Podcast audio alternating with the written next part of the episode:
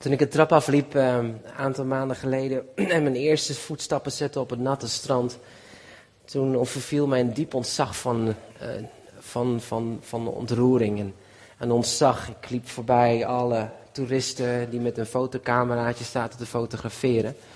En met ik daar kwam op een mooi stilte moment en mijn kinderen liepen daar bij het water, toen drong het besef tot me door dat, dat er uh, op deze plek waar ik was. Um, meer dan 5000 mensen hun leven hadden gegeven voor vrijheid. Te vechten voor een zaak waar ze eigenlijk niks mee te doen hadden. Om hun leven te geven voor een beweging met als één doel vrijheid te brengen aan de mensen die in slavernij waren. En het waren 5000 Amerikaanse jonge soldaten met de Canadezen die vochten op, 19, uh, op 6 juni 1945 in D-Day. En mijn hart huilde omdat ik besefte dat er geen enkele generatie was die zo'n ontzettende impact had gehad uh, in de geschiedenis uh, als deze mensen. Die zo hun leven gaven voor mensen waarvan ze hun naam niet eens kenden. Naar landen gingen waar ze niet eens taal van spraken. Nog nooit hadden gehoord wat een stokbrood was. En vervolgens hun leven gaven voor vrijheid. Um, ik besefte me ook dat er geen enkele generatie is geweest na deze generatie die dat gedaan heeft. En mijn hart huilde, want ik dacht van Heer, in hoeverre ben ik nog bewogen voor iets wat groter is dan mezelf? Is er nog iets wat van binnen nog iets brandt in mij? En in de Bijbel lezen we dat uh, in Handelingen 13 dat David diende Gods zaak, Gods doel, Gods plan voor zijn leven in zijn generatie. En ik vroeg me af, in Heer, in hoeverre dien ik nog uw plan voor mijn leven? Wat maak ik nog een verschil? Is er nog iets wat in mijn hart een soort God gegeven onrust is, waarvoor ik mag gaan? En ik bedoel ik dan veel meer dan passie, hè? want ik weet dat sommige mensen zitten wachten dat de dienst voorbij is, zodat ze vanavond Ajax PSV kunnen gaan kijken. Maar dat is veel anders dan voetbal. Het is niet te vergelijken met voetbal. Het is ook niet te vergelijken met je geld opzij zetten voor je opleiding of voor een mooie auto. Nee, het is een alomvattende passie en een alomvattend verlangen. Dat je weet, dat je weet, ik ben, ik ben geplaatst in mijn generatie voor een doel die God gegeven heeft. En dat is niet alleen maar iets wat heel ver weg hoeft te zijn, het kan vaak ook zo heel dichtbij zijn. Um, het is niet iets wat alleen maar uh, ergens in verweggestand zou zijn. Het is ook iets wat in ons leven mag gebeuren. Nu, vandaag de dag. En ik wil je meenemen eigenlijk naar het verhaal in Johannes 13, vers 3, waarin Jezus eigenlijk ons een, uh, uh, een, ont, ont, ja, hoe zeg een, een inkijk geeft in, in wat hij bedoelt als het gaat om, om een alomvattende passie. Een alomvattend verlangen, een, een, een godgegeven onrust in je hart om ermee aan de slag te gaan. En hij koppelt dat eigenlijk aan iets wat wij heel vanzelfsprekend vinden op het moment dat we avondmaal vieren. Maar in dat moment waarin Jezus uh, uh, op een gegeven moment het laatste avondmaal vierde, had een vurig verlangen met al zijn discipelen om dat laatste maaltijd met hem samen te vieren. Uh, hij wist namelijk dat, ja, dit zal een van de laatste keren zijn. Dus ik wil dat dit moment in hun hart gegrift is, dat ze begrijpen wat ik heb gedaan aan dat kruis en wat ik van hun vraag als volgelingen om te geven aan de ander. En, en, ik, en ik wil je meenemen naar Johannes 13, vers 3. En er staat daar, Jezus nam een bak met water, hij deed de linnendoek om zijn middel, hij knielde neer en waste de voeten van zijn leerlingen. En hier zien we dan een meester die zo groot is en die zo, ja, de zoon van God, de, de, de schepper van hemel en aard, zich klein maakt. En dan zich knielt neer voor de voeten van een ander. En op een gegeven moment dan de ander de voeten wast. De wast, wast. En, en, en schoonmaakt. En Peter zegt van nee, doe dat maar niet, heer. Je bent het helemaal niet waardig. En hij zegt nee, Petrus, laat mij je voeten wassen. Laat mij jouw voeten wassen, anders heb je geen deel van mij. En daarmee hinderde Jezus eigenlijk op het verlossende werk wat zou gaan komen op het kruis. Namelijk dat in het sterven van Jezus Christus en onze sterven in Christus, dat wij weer zouden opstaan in Jezus, in een nieuw leven met Hem zouden hebben. Dat we gerechtvaardigd zouden zijn, geheiligd zouden zijn door het kostbare bloed van Jezus. En dat niet alleen we gerechtvaardigd en geheiligd, maar ook dat we verbonden zouden zijn aan het hart van God. Om dan met Hem samen in die intieme vriendschap met God uh, te mogen gaan wandelen en, dat, en die liefde te mogen gaan ervaren. Maar dat niet alleen. De reden waarom Jezus dit als laatste deed, een van de laatste dingen die hij deed, was omdat dit als het ware een soort bucketlist was, wat hij wilde afwerken. Hij zei, dit moeten mijn discipelen weten. Ik wil dat ze dit gaan begrijpen voordat, ze, voordat ik wegga, voordat dit, dat, dat, ze in dat ze echt in de gaten hebben dat, dat dit is waar het geloof om draait. En dat is namelijk dat hij op een gegeven moment leest dan verder in het einde van het hoofdstuk. En dan staat daar zo mooi. Er staat zo van. Um, dat zegt van ja, maar als je mijn voorbeeld volgt, doe dan dit ook. Met andere woorden, wast de ander de voeten. Als je deel van mij wil zijn, dan moet je de ander ook gaan dienen. Het werkelijk, als je werkelijk weet wat het kruis betekent in jouw leven. Als je werkelijk de betekenis van het kruis begrijpt, dan begrijp je dit, dat op het moment dat je het kruis accepteert in je leven, dan ontvouwt er een soort hoger doel in jouw leven. Dan opent zich een doel in je leven die verder gaat dan jezelf. Uh, Paulus zegt erover dat je dan niet meer zal leven langer voor jezelf alleen, maar dat je gaat leven voor de glorie van Hem. Dat je gaat liefhebben zoals Christus jou heeft liefgehad. Met een alopofferende liefde met een leven dat je bent, bereid bent om, te, om, om te, uh, sorry, te leven voor een hoger doel. God liefhebben zoals jezelf en je naaste als jezelf. God dienen door een ander te dienen. Het is, eigenlijk kan ik het heel simpel zeggen. Als je het, als je het zou omschrijven, als je werkelijk weet wat het kruis inhoudt, dan, dan ontdek je dat er dat door het kruis heen, dat God je eigenlijk uitdaagt van, hé, hey, joh, het is tijd dat je een ander vrijheid gaat brengen. Het is tijd dat je de ander gaat zegenen. Het is tijd dat je gaat uitdelen. Als je genade hebt ontvangen, dan mag je genade gaan uitdelen. Waar je vrijheid hebt ontvangen, dan, mag je de verantwoordelijk, dan heb je de verantwoordelijkheid gekregen om die vrijheid weer uit te delen. Weet je dat vandaag de dag, we keken net even op het filmpje, uh, leven meer dan 400 miljoen kinderen wereldwijd in extreme armoede. Per dag, schrik niet, sterven meer dan 17.000 kinderen tussen 0 en 5 als gevolg van extreme armoede. 17.000 kinderen per dag. Om je voorbeeld te geven in een land van Rwanda van 10 miljoen mensen, is 51% is jonger dan 18. Mensen in extreme armoede in Rwanda verdienen minder dan 8 euro en 88 cent per maand voor een klein beetje eten.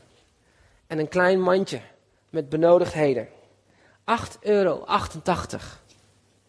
Armoede spreekt. Extreme armoede spreekt heel hard. En kinderen lijden eronder. Je zag net in het filmpje ook kinderen die in extreme armoede waren. Kinderen tussen 5 en 14 jaar werken in de meest erbarmelijke omstandigheden, worden blootgesteld aan giftige dampen, op gevaarlijke hoogtes moeten ze werken. In kleine nauwen van diepte in de grond moeten ze kruipen. Met gevaar voor eigen leven werken ze uren achter elkaar, zonder pauzes, in fabrieken waar wij lucifers van krijgen. Waar wij kleding kopen vanuit de winkels, van onze favoriete kledingwinkels. Kleding die jij en ik kopen. Gemaakt door kinderen in extreme armoede. Kinderen die in de mensenhitte werken in steengroeven, zodat wij kunnen koken op marmeren keukenbladen. Kinderen die in mijnen werken, zodat jij en ik kunnen rijden in auto's die vervaardigd zijn met de materialen uit die mijnen. Veel kinderen hebben gewoon geen optie. Want um, armoede is simpelweg de afwezigheid van opties. Wij hebben een optie. Wij hebben een optie, wij kunnen op ergens terugvallen. Wij kunnen naar mensen toe stappen. Indien nodig gaan we nog een lening aan.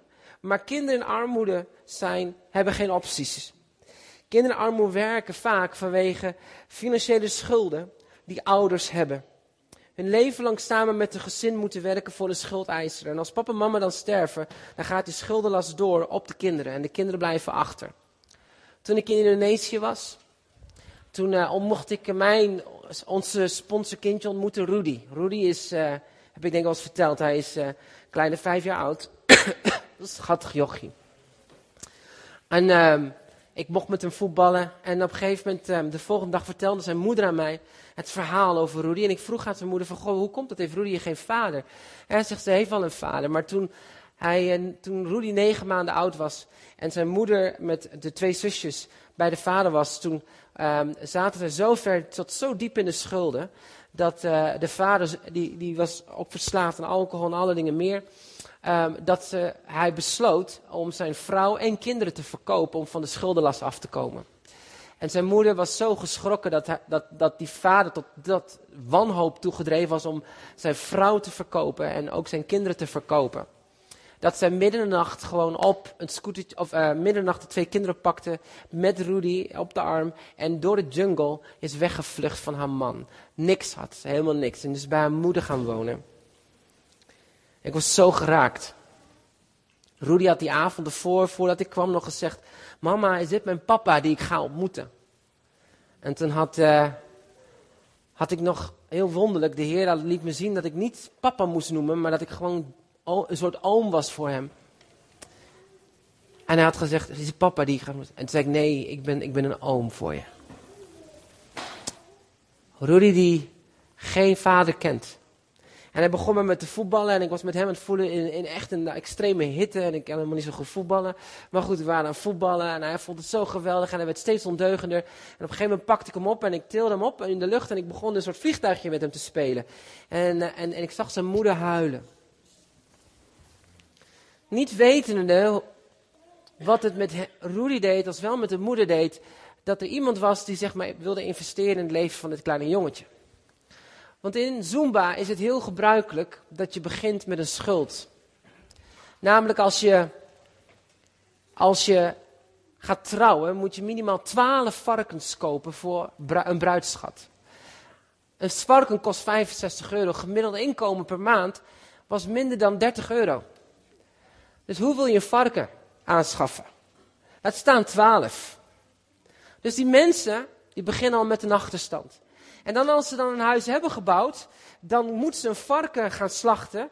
Vanwege hun traditie en geloof. En heeft het varken een rood bloed wat uit het nek doorstroomt. Dan, uh, en ze snijdt open en dan komt het bloed uit. Is het rood bloed, dan is het huis gezegend. Maar is het zwart bloed, dan is het huis vervloekt. Dan moet je een heel nieuw huis kopen en weer een nieuw varken gaan betalen. Waar haal je het geld vandaan?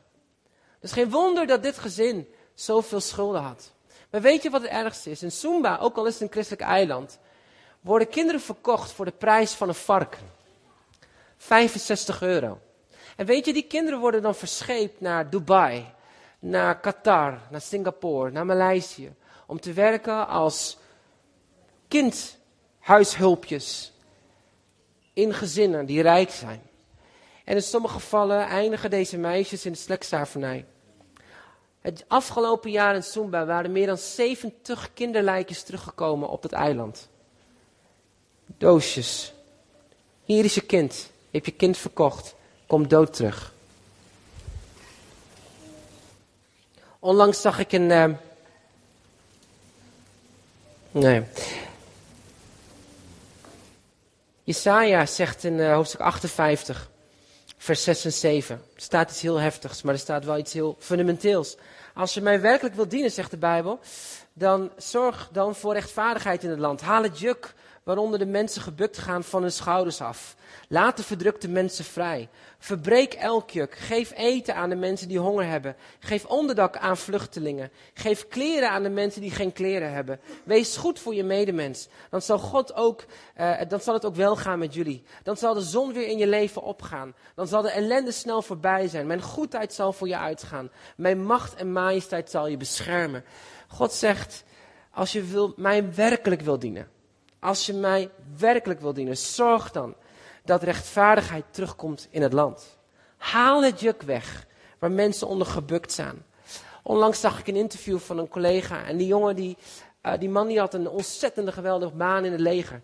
En die besloot op een dag zijn, leger, uh, zijn baan op te geven en te verhuizen naar India en daar een team op te zetten om uh, meisjes, tienermeisjes te redden uit de bordelen waar ze gevangen zaten in de seksslavernij.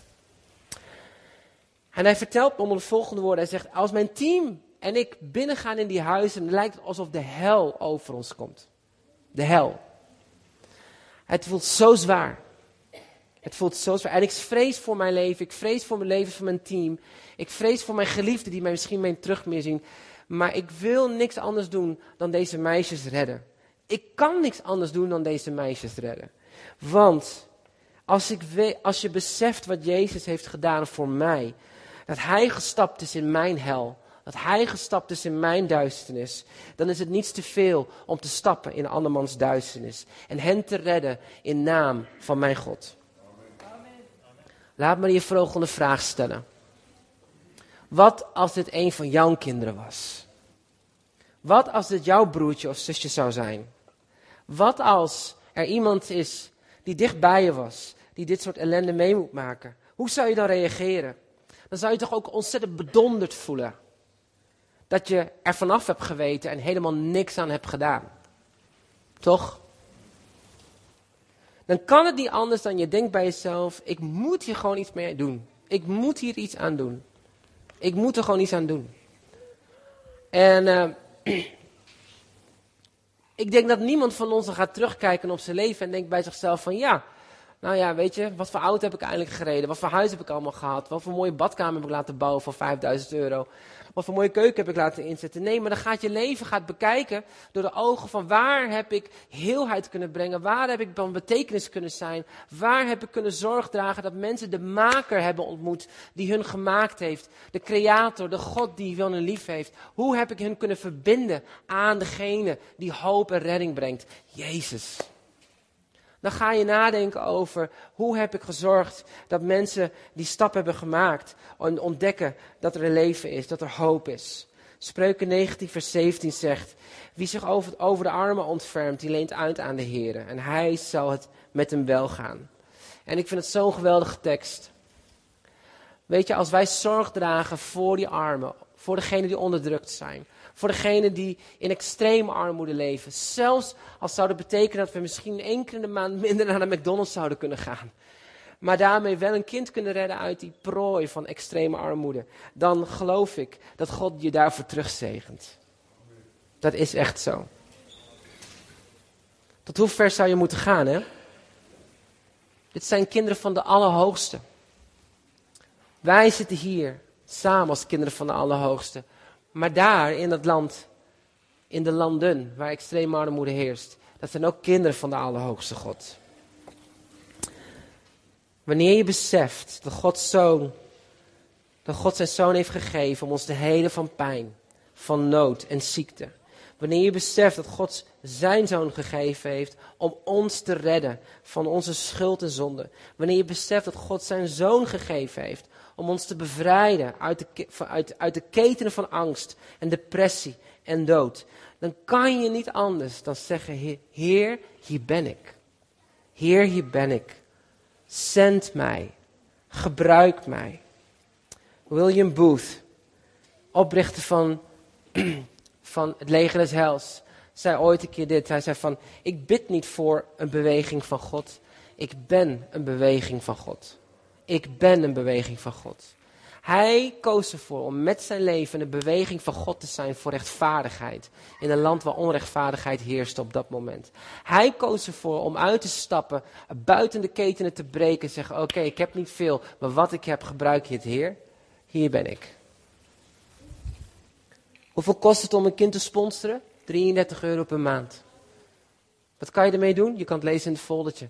33 euro per maand. Dat is niet omdat ik nou zeg, joh, dit moet je doen omdat je nou per se... Als sponsor een kind, go for it. Doe iets anders, is ook goed. Maar besef waar je hart is. Daar investeer je in. Maar er is zoveel nog te bereiken. En er zijn zoveel mensen die in extreme armoede leven. En er is zoveel recht dat wij als christenen mogen gaan doen. En degene die de ultieme recht in handen heeft, dat is niet iemand, dat zijn we niet wij mensen, hè? Nee, dat is de Heer. De Heer heeft recht in zijn handen. Maar wij mogen als christenen de handen en voeten van Jezus zijn. In een wereld waar onrechtvaardigheid heerst. Durf je te zeggen, net als William Booth. Ik wacht niet op een beweging van God. Ik bid er niet voor. Nee, ik ben een beweging van God. Mijn vraag vanochtend is heel eenvoudig. Wil je deel zijn van Gods beweging? Wil je het deel zijn van zijn beweging dat recht doet aan de allerarmsten? Aan de allerkleinste? Aan degenen die geen stem hebben? Aan de kinderen die niet voor de rechten op kunnen komen? Die vastzitten in slavernij? Die moeten werken als een kindarbeider? Niet de kans hebben om naar school te kunnen gaan? Geen opties hebben voor mogelijkheden? Dan wil ik je vragen, denk daarover na. Wil je mee in die beweging van God? De beweging die recht doet aan zijn kinderen. Aan zijn kinderen. Zullen we gewoon even een moment stilte hebben en gewoon er even over nadenken?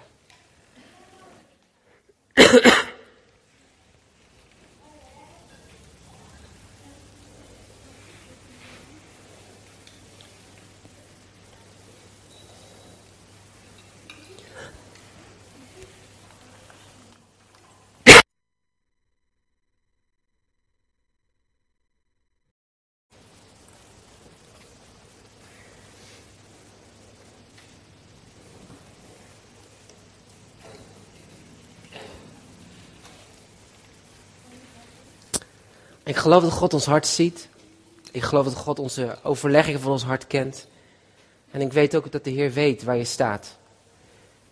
En ik weet ook dat de Heer je twijfels ziet.